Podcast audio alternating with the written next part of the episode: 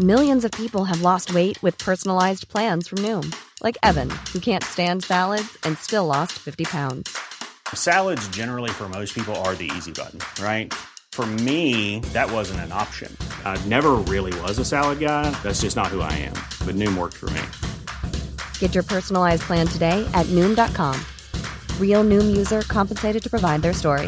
In four weeks, the typical Noom user can expect to lose one to two pounds per week. Individual results may vary.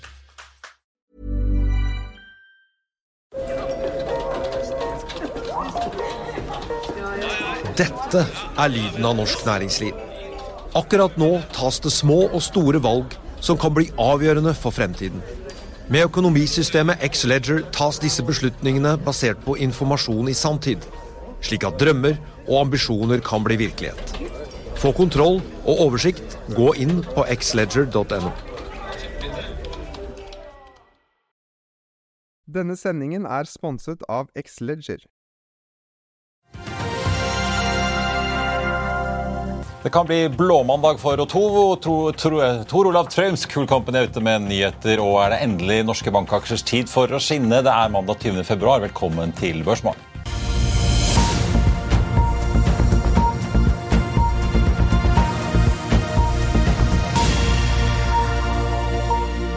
En riktig god morgen alle sammen, og velkommen til oss her i Børsmorgen i Finansavisen. Mitt navn er Marius Thorensen, og med meg har jeg aksjekommentator Karl Johan Månes. Vi får også straks med oss Arctic Securities-analytiker Roy Tilly.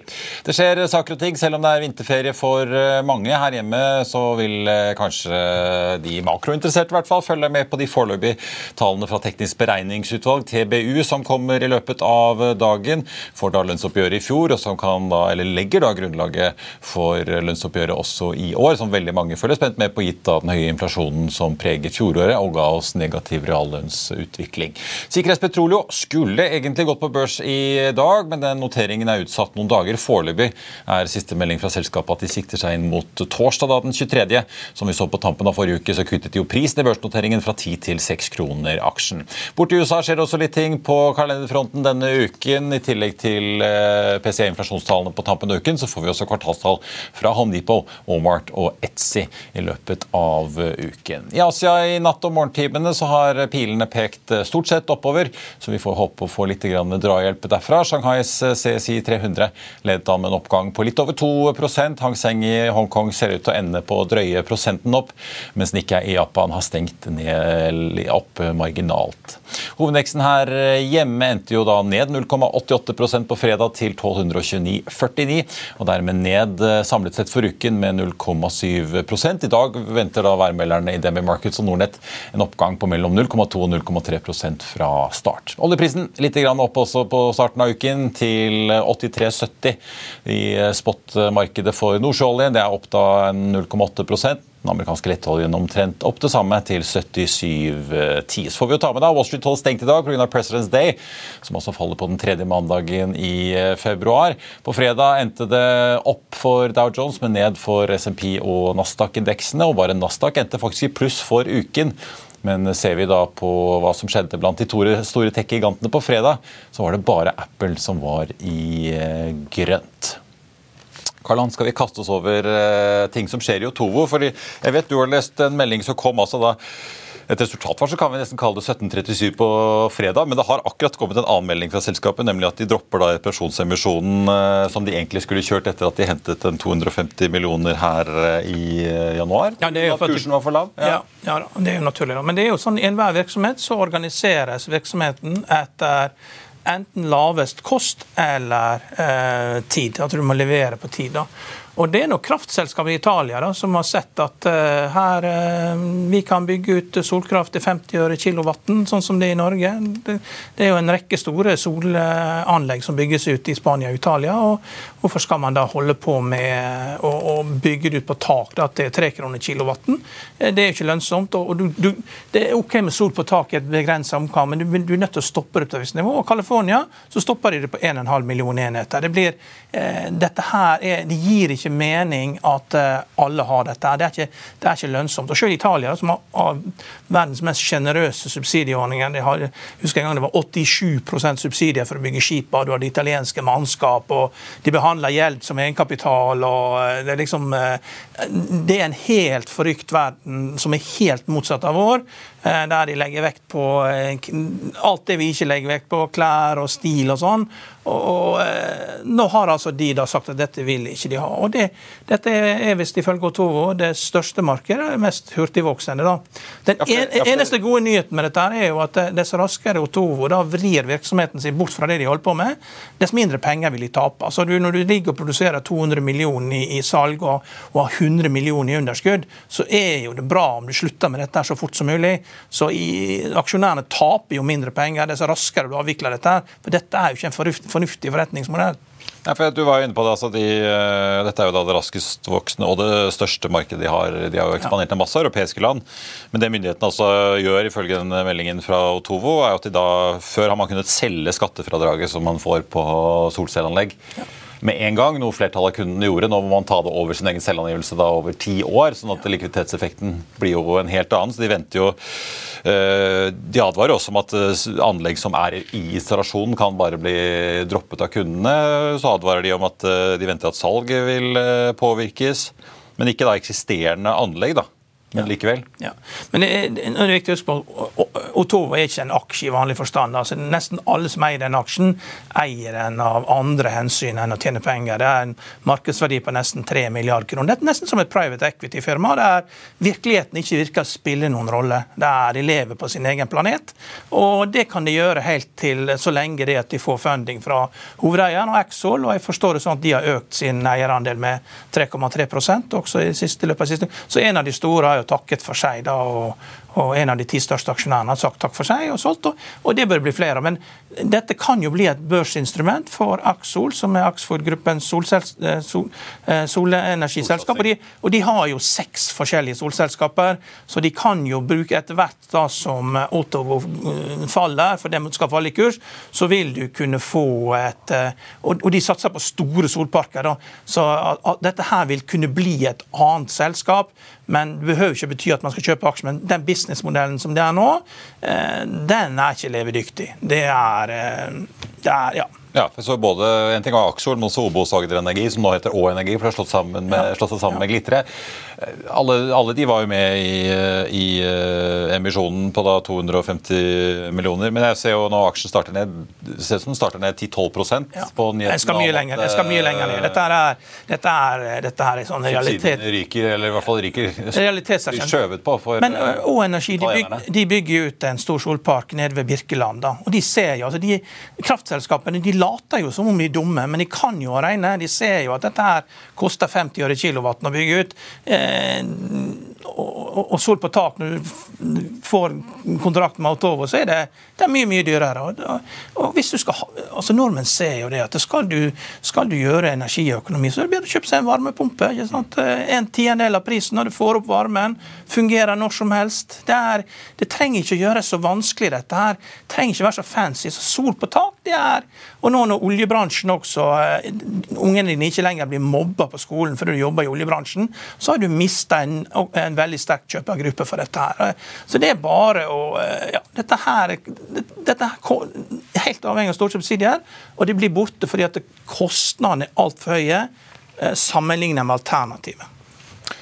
Ser nå Tovo ned nesten 15% på en børs som starter opp 0,1 eh, Skal vi ta kort litt om eh, Sikrest Petroleum før vi tar inn dagens gjest? Skulle kommet i dag. Prisen ble kuttet på fredag, nå snakker de om eh, torsdag. Det skjer jo stadig nye ting med sikkerhet. Ja, så er, det er, så mye feil der at det, jeg vet ikke. Det, det er vanskelig å kommentere. For det, det, er jo helt tydelig at i kjernen av dette her, så eh, er det bare luft. Altså det er jo Selskapet sjøl som skal veilede analytikerne, gir jo ikke riktig informasjon. Og eh, Vi hadde jo Scott Aiken her, og når vi spør han om eh, hvor galt dette anslaget kan være, som det høyeste anslaget, som er 15 ganger så høyt som der hvor kursen er, emisjonen skal settes nå, så sier han nei, men det er ikke sikkert det er galt. Ja, men da, Sånn går det ikke an å svare. Altså, hvis du har sammenlignbare selskaper, det går ikke an at hvis du skal selge så Det er fire rekkehus oppe i Holmenkollen, og, og eh, de koster 15 millioner alle sammen, så, så går det ikke an at ett skal koste 150 millioner, det, for dette kan bli verdt det en eller annen gang i framtiden. Eh, for du vet aldri hva som skjer. Ja, ja, så Det kan jo hende at det, det er verdt det. Det er jo ikke sikkert det er feil at det huset er verdsatt til 150, selv om de andre er verdsatt til 15 millioner. For det er helt make lignende selskaper. Og de har holdt tilbake informasjon. Og Det er den verste formen for bløff et selskap kan gjøre.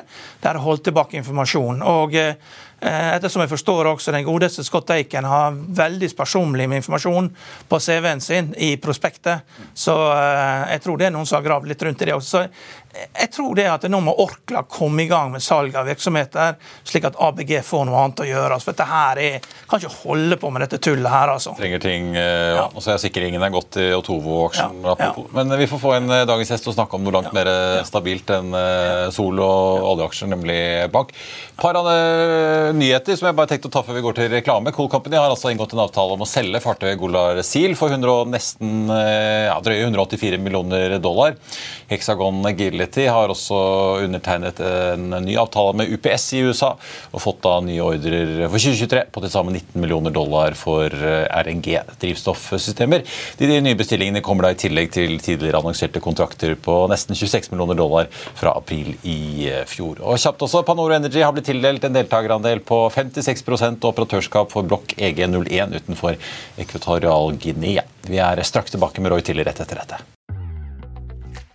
Vil du bli oppdatert på det viktigste som har skjedd innen finans og næringsliv? Da er det bare å følge med, for hver morgen er jeg, Marius Lorentzen og aksjekommentator Karl Johan Malnes på plass i studio for å ta tempen på dagens marked i Børsmorgen. Og hver ettermiddag oppsummerer vi alt du trenger å vite i økonominyhetene, og det blir selvfølgelig masse interessante gjester. Klikk deg inn på fa.no-tv, eller søk opp Børsmorgen og Økonominyhetene der du hører på podkast.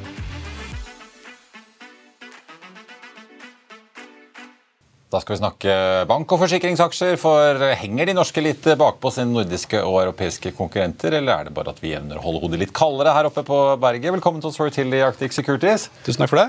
Jeg tenkte Kanskje vi bare skal ta en sånn kjapp recap. Det var ganske surt i første halvår i fjor for en del bank- og finansaksjer. Så det ble det en veldig hyggelig høst. Eh, det, det tok seg bra opp igjen på slutten av, ja. slutten av året. Ja. Du var jo ute med litt endringer i fjor sommer, så det traff du vel ganske bra. Ja.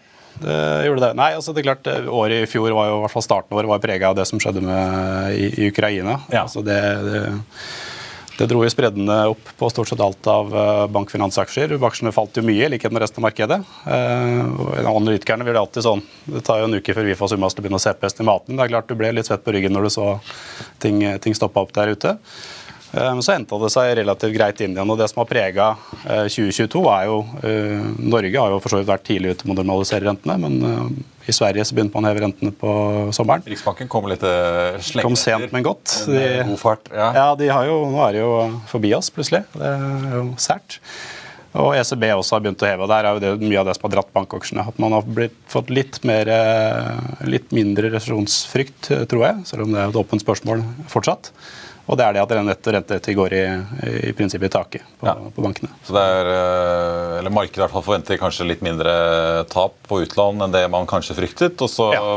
Ja, så blir det ganske pen eh, renteinntekt for bankene. Det blir jo egentlig det. Og det var jo Spesielt på nordisk bank og svensk bank så var jo fokus og er for så vidt fortsatt veldig på, på næringseiendom. Eh, og Der mente i hvert fall vi at man kanskje prisa inn litt for mye i fjor sommer. da. Ja. Nå virker det, i hvert fall Hvis man tuner inn på DNBs kvartalsrapporteringer, så virker det hver gang som det går kjempegodt nede i Gjørvika. Men ta oss litt gjennom liksom, mekanismene sånn tradisjonelt. da, Hvis du mm. får en renteøkning, ikke sant, så ja. pleier de å øke da utlånsrentene kjappere enn innskudd. så da får de en marginøkning der. Det er riktig. Jeg har snakket med bankfolk som sier at jo, jo, men så kommer det en eller annen tid der når du når en rentetopp, og da begynner kunden å skal reforhandle boliglån og bedriftslån, og alt ja, og da begynner liksom marginpresset å komme. Ja. Eh, nå er det jo mye diskusjoner om hva Norges Bank og Riksbanken alle skal gjøre. da. Det virker jo som inflasjonen hvert fall her i Norge er litt seigere enn det mange kanskje trodde. Så kanskje vi får da to renteøkninger til fra Norges Bank før sommeren. Mm. Men er det sånn at på et eller annet tidspunkt så venter du også at marginene vil begynne å komme under press igjen? Ja, vi, vi tror vel egentlig det. Altså vår, eh, som du sier, da, man, man, er flink til å heve rentene på utlån løpende når Norges Bank gjør det. Og så man, eh, tar man litt mindre på innskudd. Og så er det ganske mye innskudd i Norge som står på lønnskontoer, brukskontoer, transaksjonskontoer, og der er jo historisk renta null uavhengig. ikke sant? Så der er jo ikke prisene endra. Så det, det, gir deg den brekkstangeffekten. Og så gikk man jo inn i denne rentesykkelen her med mye mer innskudd enn normalt. Norske husholdninger og har økt innskuddene sine kraftig gjennom covid. Og Det nyter bankene litt ekstra godt av nå når de får den rentebussen. Hvor mye er det som står i innskudd i norske banker til null rente? Sånn uh, ja, det Tallet har vi ikke. SSB pleide å trekke det i gamle dager, men det er jo noen hundre milliarder ja. som, uh, i sum. da. Som DNB og Nordea og alle sammen bare kan uh, låne ut videre?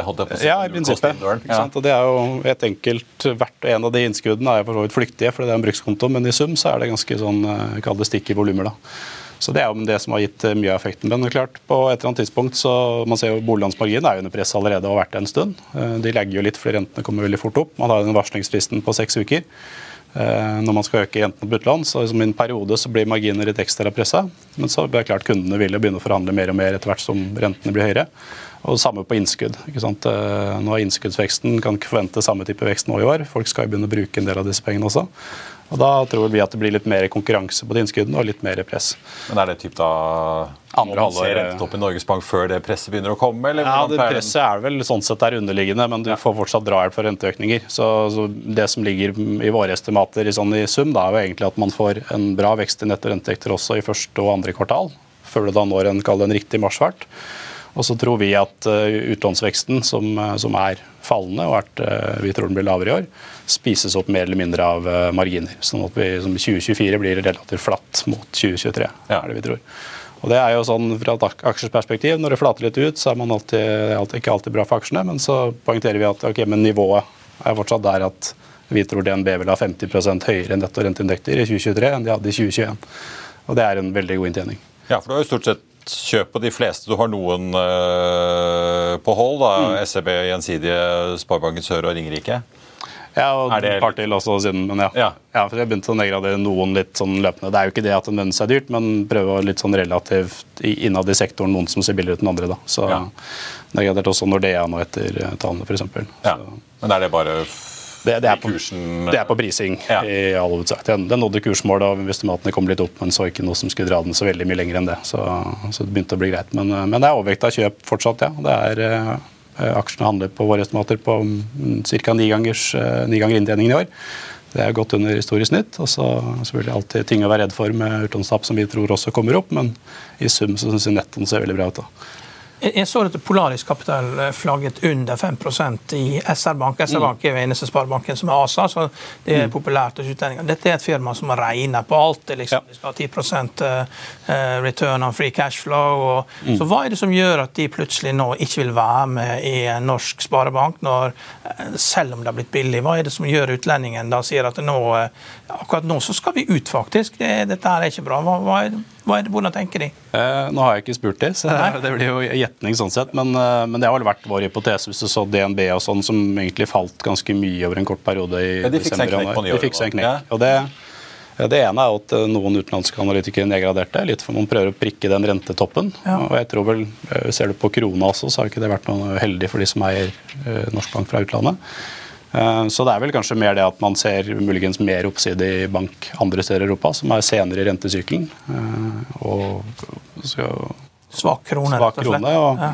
og, så vet jeg ikke om noen også ble litt skremt av eh, at det plutselig er litt politisk usikkerhet. Med laks og krattskatter og arbeidsgiveravgifter. Vi så jo ja. i hvert fall bankaksjene ikke mye, men de reagerte også litt ned den, de dagene også. Så og så er det i hvert fall historisk en tendens til at fra utlandet så er man mer eh, svett på vegne av norsk makro enn vi er selv gjerne her hjemme. Ja. Man er mer bekymra for ting som går feil. og det er jo Spesielt bolig, høye boligpriser og høy andel flytende rente for eksempel, er jo en, noe som en del som ser på som et skummelt signal i Norge. Da. De får ikke gleden av de lavere rentene?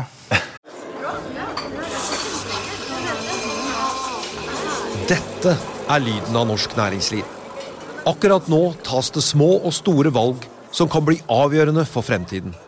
Med økonomisystemet X-Leger tas disse beslutningene basert på informasjon i samtid, slik at drømmer og ambisjoner kan bli virkelighet. Få kontroll og oversikt. Gå inn på xledger.no. Denne episoden er sponset av van Brun, en fremtredende smykkeforhandler kjent for sitt brede utvalg av forlovelsesringer, gifteringer og diamantsmykker som bæres og elskes i generasjoner. Et frieri er en av de største øyeblikkene i livet, hvor forlovelsesringen er et tidløst symbol på kjærligheten. Valg av ring krever omtanke for både hvilket metall og diamant, med et bredt spekter av både naturlige og labdyrkede diamanter, og metaller som platina, gult gull, hvitt gull og roségull, hjelper de deg med å sette et personlig preg på din kjærlighetshistorie.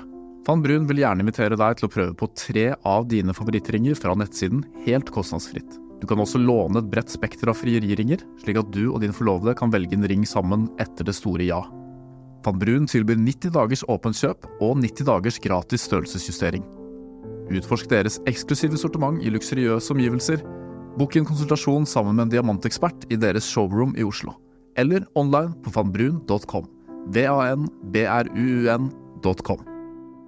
Det får vi. ja, det, er riktig. Men hvordan ser du på, Hvis du ser på risikobildet litt, da, I fjor var jo mm. næringseiendom det store, og folk eh, ja. begynte plutselig å slå opp i kvartalsrapportene til SPB og kaste ja, ja. med alle disse her, hvis man ikke hadde tittet på de på en stund. Ja. Nå har det jo skjedd en god del. Jeg så Castellum de skulle jo hente 10 milliarder ja, det var jo, en emisjon, og SPB mm. har jo solgt unna ganske mye eiendom og frigjort ja. mye penger. Mm. Eh, så har vi oljesektoren i Norge som går som det griner, ja. men i varehandelen ser det litt sånn fishy ut. Det er, Hvordan, liksom, er det noen sånne store risikoaspekter som ja, altså jo... som fortsatt er der, eller virker det som ting går seg litt mer til enn det man kanskje kunne frykte i fjor? Foreløpig så ser det ut til at ting går seg mer til. Altså, Næringseiendom er jo et område som man alltid er redd for som bankanalytiker. Det er jo der, Når det først taper penger, så er det der man taper de store pengene. Eh, og spesielt den svenske næringseiendom. Argumentet vårt der i forhold til de nordiske bankene, eller svenske bankene, da, er jo egentlig at den veksten i gjeldsveksten for svensk næringseiendom de siste sju-åtte årene har vært obligasjonsmarkedet som har drevet det, ikke, ikke egentlig bankene. Eh, sånn at de har en, sånn sett en utfordring, men så lenge ledigheten på kontorlokalet ikke går opp, så er dette mer en eh, foreløpig en, en Nav-effekt, og ikke noe som svekker bankenes posisjon nevneverdig. Og de har jo stort sett pant og lav uh, loan to value. Ja. Også det samme i Norge. så Det skal sikkert en reprising på næringseiendom, men enn så lenge så ser ikke jeg noen grunn til at det skal bli noe nevneverdig tap av det. Men det er visse andre sektorer som, som kan dukke opp. så Vi tenker jo i løpet av året Nå har jo ikke alle renteeffektene måtte fått bite enda heller. Så vi ser jo først den fulle effekten nå i første halvår. Så skal nok sikkert eh, tapsavsetningen til bankene opp i år. Eh, men de kommer inn i det med veldig lav andel misligholdte lån. De kommer inn i det med ganske veldig sunne balanser. Og ikke minst det ser ut som så langt så har jo både norske forbrukere og bedrifter klart seg kanskje litt bedre enn man eh, frykta sånn for et halvår siden. Ja, jeg ser Det at uh, det er masse sånn digitale annonser. DNB Asset Management nå er de ute og leter etter mm. to mann til å starte opp med private equity inne i sin asset management-divisjon. Er det det samme som ABG gjør? At du skal starte et fond for å kjøpe alternative investeringer? At du skal kjøpe opp Eh, illikvide andeler og ta folk ut av det, eller hva er det, hva er det de tenker? Hvor... Det er jeg ikke helt sikker på. Den har jeg ikke sett. Det er, er det private equity, eller er det Private equity, Det står private equity helt klart. Det er en, en porteføljeforvalter og en, ja. en associate, og det skal organiseres inn i asset management. Så det må jo være for at de har tenkt å lage produkter som de skal selge av dette her. Mm. Det, det Mot retail. Ja, og det, altså det er det er jo noe med å bredde asset management-tilbudet, vil jeg tro. da, Komplementere det. Det er jo mye fokus på alternatives fra både sånt som Storbrann og DNB. Ja. Eh, rett og slett for Over tid så har jo marginen eh, kommet ned på veldig mye av tradisjonell forvaltning. Ja. Eh, sånn at hvis man skal prøve å holde marginen og tilbudet oppe, så må man se litt mer vil jeg gjette. Ja. Jeg lurer på, Nå kom DNB med tilbakekjøp som veldig mange snakket om i forkant. Ja. Hva Kjerstin Bråten Ida Lerner skulle komme med. Mm. Men men litt det, da. Hvis tapsavsetningene må opp, og sånn, ja. hemmer det både DNB og andres evne til å betale utbytter og kjøpe tilbake egne aksjer fremover? For mange av disse sparebankaksjene og DNB og sånn har jo vært mm. uh, gode sånn utbyttecaser for mange investorer? Ja, jeg, jeg, tror de fortsatt vil være det. Altså, De er ekstremt godt kapitalisert, også DNB. Nå ble det et lite tilbakekjøpsprogram nå, fordi man må vente på ny generalforsamling til å få ny fullmakt og søke tilsynet på nytt. Men uh, hvis vi får rett i at utlånsveksten kommer litt ned, greit, da du litt, uh, har du ikke like stort kapitalbehov for å finansiere vekst i det korte bildet. Så tror vi på, selv om tapene skal opp, så tror jeg det blir moderate nivåer. i hvert fall enn så lenge. Uh, sånn at det som skjer på toppen av PNL-en på netto renteinntekter, mer enn offsetter det. Så, så, så, mange av bankene nå har valgt å øke målet sitt på, ren, på egenkapitalavkastning fra 12 til 13. Og Det er jo, eh, vil jeg tro, gitt situasjonen vi er i, et signal på at de føler seg relativt komfortable, tross alt. Trygge på at det skal bra. Apropos ja, en som ligger over det, var jo Kjerpeset i Sparebank1. Ja. Sparebanken Vest, ja. Sparebanken Vest, unnskyld. Eh, Men jeg leste litt med interesse kvartalsrapporten deres, for vi var jo på Vestlandskonferansen og skulle ha en prat med Kjerpeset, så da måtte jeg jo lese meg litt opp på hvordan det står til i, i Bergensbanken. Eh, Men de skriver jo at de tror kanskje at finansieringskostnadene til banken også kommer til å øke litt eh, utover året. Rentenivået generelt øker jo. Ja. Men er det spesifikt for dem, eller er det på en måte en utfordring for hele sektoren at det... en ting er utenlandske investorer som Ja. ikke er så interessert i å sitte i en del bankaksjer kanskje lenger som de var? Mm. Det er- jeg tror de kan komme Norge, tilbake, ja, da, men ja. men øker også finansieringskostnadene for banksektoren generelt? Sånn at Eh, ja, de det gjør også det. får et press der, da? Ja, Litt avhengig av hvilken horisont du ser på. Altså, de siste ukene så har det kommet litt ned igjen. Altså, Kredittspredden har kommet litt inn. Men ser du mot eh, si, før uh, Ukraina, så er, er det dyrere nå å finansiere seg for, for banker. Det ene er at renten har kommet opp, men det har jo kredittpåslaget som også har blitt uh, høyere. Nå har det begynt å komme litt inn igjen. Men det er klart, bankene finansierer seg jo mye mer langsiktig nå enn de gjorde i, i gamle dager. Så, så det tar litt tid å fase det inn, men, men ja, det er jo noe som vil skje for, for så vidt alle bankene. Og Da er det jo sånn så greit at de nå har mye mer innskudd enn normalt, sånn at finansieringsbehovet har vært litt lavere også. Så, men over tid så vil jo eh, finansieringskostnaden komme litt opp, med mindre den spredden kommer helt inn der den var. da. Eh, men jeg tror ikke det er noe som vil velte lasset på noen måte. Den, eh, det du har sett på netto rentepoeng inn nå, i sum, den, utgangen der er i hvert fall, jeg tror det er det høyeste vi har sett i hvert fall eh, ti år tilbake. Jeg har ikke sjekka lenger. men Og det er jo mange europeiske banker som eh, faktisk opplever eh, Eller det er vel nesten en generasjon ansatte i europeiske banker som opplever at det ikke er null eller minus i hvert fall styringsrenter på en god stund. Ja, det er jo gang, ja. en ny opplevelse for mange, det. Så det er, det er jo klart En Negative renter er ekstremt krevende for banker. Så bare det å gå fra negativ til positiv Europa, det slår mye i, på lønnsomheten. Ja. Men eh, nå, hvis, du, hvis du ser liksom på regionbasis bare til slutt, da, Mm. norske versus nordiske versus europeiske Litt som vi var inne på, så har jo i, mange utenfor Norges grenser gått bedre, i hvert fall i fjor høst, enn det det har Mm. Tidligere. Men eh, er mye av potensialet tatt ut så du liker å sitte med norske bankaksjer nå, eller? Nå har ikke jeg dekning på noen europeiske, så jeg skal ikke prøve å spå for mye der. Men, eh, men jeg også hadde jo en tese om at i hvert fall i siste halvåret at svenske banker, i og med at rentesyklusen kom senere, ville få kanskje en bedre løft av Det har de så gjort. men men i hvert fall i vår sektorrapport som du refererte til her for, eh, for noen uker siden, så var budskapet vårt at nå syns vi egentlig norske banker på relativen ser nesten mer attraktive ut. Det handler litt om at sånn, kanskje fordi man er norsk, da, men er litt mer komfortabel også med norsk makro. Altså Sverige ser krevende ut fra et makroperspektiv. Bankene kommer til å tror jeg, klare seg fint, men jeg tror Norge på relativen da ser litt bedre ut. Når prisingen er der den er, så, så syns jeg banker som DNB står seg veldig godt. da, rett og slett. Så ja, så ja det, det kjente og kjære her hjemme er, eh, ser bra ut nå også. Borte bra med det med øst, vet du, Karl Johan. Ja. Roy Tilly, tusen takk eh, skal du ha. Ja, ja Karl Johan, det er jo eh, bankaksjer, selv om eh, kanskje noen synes det er kjedelig litt sånn, hva de driver med, at det ikke er så spennende som fly og olje og solceller og sånn, så er det jo en bransje som pleier å levere jevnt og trutt med inntjening, i hvert fall. da. Ja da, og det og Robert Ness bruker jo å si det at dette er jo the secret ingredients for å slå indeksen. da. Så ja. uh, uh, Han har vel sagt det at det, det, det er ikke eh, Vi slår indeksen ved hjelp av å ha med sparebanker. De leverer eh, gode double digit returns med lav risiko og har kontroll på virksomheten sin. så det har jo vært eh, det er en liten hemmelighet. Altså. Så man trenger ikke gjøre livet vanskelig for seg sjøl. Altså. Kjøper de likvide, store bankene, så får du god avkastning og godt utbytte. og det, det skal Mye skal gå galt før at eh, de går, det går helt galt der. Ja. Som vi så, eh, Noen har i hvert fall kommet såpass opp at eh, han tok eh, Nordea ned til Holden. Hold så vidt jeg skjønte. Ja. Men du, og Tovo eh, er jo ned 21% nå. Ja, Du sa det, du trodde det skulle mer ned enn 10-12 da vi begynte, men uh... Den skal lenger ned. altså Det er, det er helt feil priser. Det har vært, eh, det har vært som en kult, det der. Eh, Så, og det har, det har egentlig ikke vært en skikkelig aksje. Det er noen få aksjonærer som eid dette her. og eh, det er klart Du kan ikke ha 3 milliarder i børsverdi på noe som taper så vanvittig mye penger som de eh, gjør. det, Og nå blir det bare verre. Så, eh, men, men eh, det som er positivt her, det er at eh, Axol hoved, hovedeieren kjøper mer og mer, og de har fire andre storselskaper. Og de vil holde hånden under dette, slik at på et eller annet tidspunkt så eh, blir det, de andre aktivitetene fusjonert inn i dette. her, Men om det skjer på ti kroner eller lavere, det vet jeg ikke. Men det, det har en egen verdi for de også å holde til gående. De, de, de, begynte med Sol liksom for tre år siden, og dette var det første de begynte med. og Siden har de, siden har de skjønt det og, og, gått inn i litt større selskaper og, og, skjønt hva dette handler om. Så de vet hva som foregår. Og som jeg har sagt før, ikke sant, dagligvarekjeder. Du kan lese deres driftsmarginer. Det er 3,7% 3,7% 3,7% De styrer helt etter margin. De er liksom delt nummer to i Sverige. Det er liksom det er vel eh, Coop. Ica og Coop-en? Ja. ja, er, er, det Ica som er størst? Eller, ja, Ica er størst. Jeg tror, ja, jeg tror Ica 50% og så de to andre 20% hver. Så det er helt stabile markedsforhold.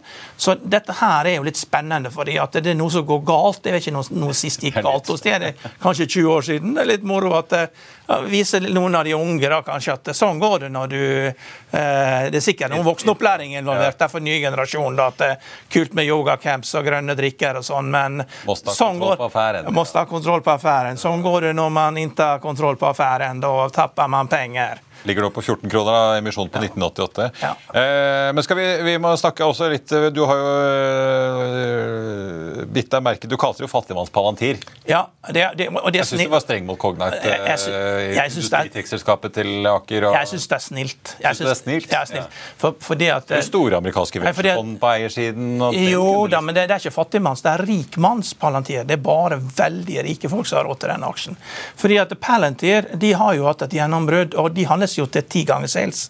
Og, og, og Cognite er 30 ganger sales. Jeg vet ikke om noen aksjer som handles til 30 ganger sales. Så du kan, altså Det er 15 milliarder i verdi. Autostore.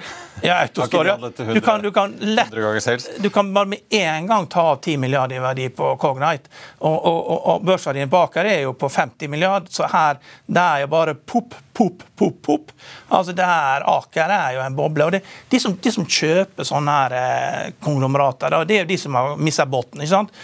Uh, under TMT-bobla, de som kjøpte investor i industriverden, det var de som gikk glipp av Eriksson. og så hadde, Når Eriksson da gikk opp, og så ah, kan ikke kjøpe Eriksson, ikke løpe etter dem, men du kan kjøpe industriverden og investor, fordi at de, de legger da, Jeg har lagt merke til at folk har sagt ja, jeg gikk glipp av Aker, jeg gikk glipp av Aker BP, det er så flaut, men jeg kan kjøpe Aker for å få det i alt. Men, men eh, man, må jo gå inn og se dette. her, Og de kommer aldri til å ta noen nedskrivning på Cognite. Palantir da, eh, det er jo et selskap som eh, de leverer mye til forsvar? ja, de begynte, de, ja, de begynte med Stjernekunden var Airbus. Og eh, det er klart det å systematisere indre virksomhet i Airbus, veldig bra.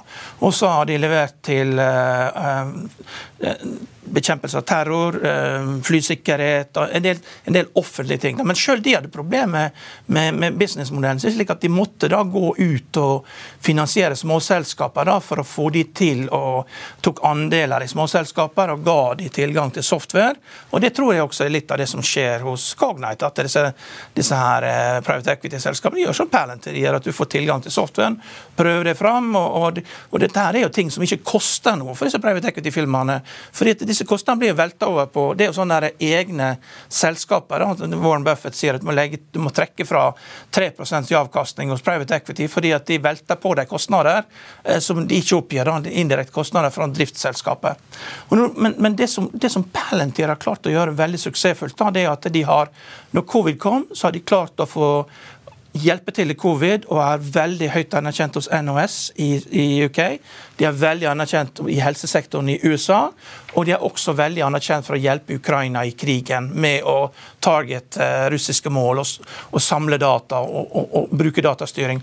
Cognite har ikke noen sånne eh, gode sånne kundeopplevelser.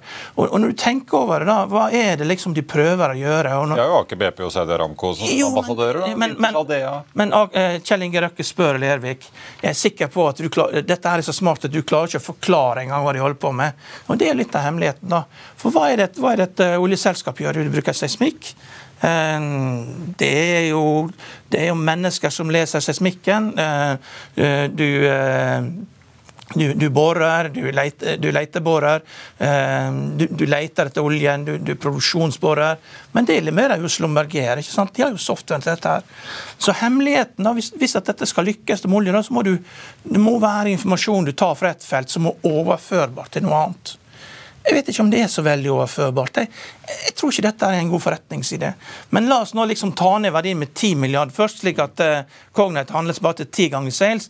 Og det kommer de aldri til å gjøre, fordi at der har du en market to market på siste deal, og det er jo svakhet med private equity. at uh, Du må liksom ta en sånn down round, da. og det kommer de aldri til å gjøre. fordi at uh, dette her er, det er, det er liksom sunk cost, og jeg vet ikke hva de gjør for Saudi Aramco. Men jeg, på, jeg har vært inne på Glassdoor, jeg ser de har mista 19 i ratingen sin som uh, attraktiv ansatt. Jeg ser at det, det, dukker opp andre firmaer som heter Cognite, uh, som driver og lager logoer. Altså, de, de, styrer ikke engang sitt eget internettdomene. Altså, dette her er ikke et selskap som skal handle til 30 ganger sales. Riktig vurdering på Cognite er én eller to ganger sales. Mm. Men la oss nå ta det ned til ti ganger først, så kan du trekke fra 10 milliarder i verdi på de 50 milliardene som børsverdien på Aker. Og da er all rabatten borte. Så Aker skal langt ned. Nå hørte vi jo Even Eriksen var her på fredag. Akersjefen sa noen notering. De har jo snakket om Nasdaq-notering av dette her. Ingen notering i 23 eller 24 med det markedet som er nå? Nei da, men det er jo De, de, de vil jo prøve da. De går til sine eiere, private equity-firmaene, som Palantir har gjort også, og får salget til å vokse da gjennom sine porteføljeselskaper. Saudi Aramco kan bruke det. Men, men til slutt da, så må du ha en god forretningsidé. Du må, du må hjelpe folk med noe. Du kan, software spiser verden. altså Visma hjelper folk. Visma er et selskap. Visma gjør reiseregninger enklere for folk. Hva er det Cognite gjør som er enklere for et oljeselskap? Hvis du jobber i et oljeselskap, hvordan hjelper Cognite deg? Og det må, de, det må de definere. Det er ikke noen god storytelling rundt dette. Palantir har god storytelling. Det hjelper staten i å drive bedre. Det hjelper å vinne kriger, det hjelper å styre covid, det hjelper å styre flyselskaper. Kognes skal hjelpe et oljeselskap å drive. Hva, hva er det det handler om, da? Som de ikke allerede har. Plattform bedre, drive vindmøller bedre, drive industrianlegg bedre? Ja, men Det klarer de fra før. De trenger ikke Cognite til det. Det er jo samme Kongsberg Digital driver med. Hjelper selv på Nyhavna og disse ulike Ja, men da er prisingen én-to ganger sales. da. Mm. Du kan ikke ha 30 ganger sales for noe sånt. Altså, det er ikke Alle, soft, alle software-selskap er ikke like. Er, du, må, du, må, skape en, en, en forskjell for folk.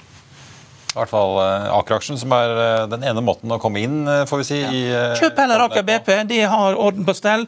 Så hvis du skal, hvis du skal satse på røkkeselskapene, så er det jo Aker BP som er veien å gå. Ja. Og så må vi få ut luften fra Cognite i Aker-aksjen, for det, det, er luft. Ja. Apropos Carnegie har regnet litt baker siden kvartalsrapporten kom på fredag. Kutter kursmålet litt da fra 1020 ned til 880 kroner. Det er vel børsens dyreste aksje, ikke det? I hvert fall nominelt i kroner. Jo da, ja. men det spiller ikke noen rolle. Opprettholder i hvert fall kjøpsanbefalingen. Den aksjen endte da på fredag på 730. Vi har et par andre analytikeroppdateringer som også har kommet siden sist. Jeg tenkte bare å ta med Finansavisens innsideportefølje. Der eh, tar man nå inn Komplett og Sparebanken Sørøst-Norge. Utgår Sammen Evolution og Sparebank1 eh, SMN, som for øvrig da er en av Roy Tillys favoritter i sektoren, får vi jo si. I tillegg da til Karnegie på Aker så har vi jo da Gjensidige, hvor HSBC har regnet litt, nedjusterer kursmålet fra fra 235 til 220 opprettholder sin kjøpsanbefaling. En endte da fredag på 181,70. Så er det Crayon. BP Paribas oppjusterer kursmålet fra 92 til 99 på eh, programvareselskapet og tekstselskapet. Gjentar sin salgsanbefaling. Crayon endte fredag da på 105,40. Og Det var børsmålen for denne mandag 20. februar. Husk å få med deg økonominyhetene klokken 14.30. Da får vi både besøk av eh, Cloudberry-sjefen, og vi får noen ferske prognoser for norsk økonomi fra Sparebank1 SR Banks sjeføkonom Kyrre Knutsen. I mellomtiden så får du siste nytt på F1 nå gjennom hele dagen, inkludert av kursfallet i Otovo, som altså er på over 20% nå. Ha en eh, riktig god vinterferie hvis du er på det. Ha en riktig god børsdag videre til dere andre. Takk for nå.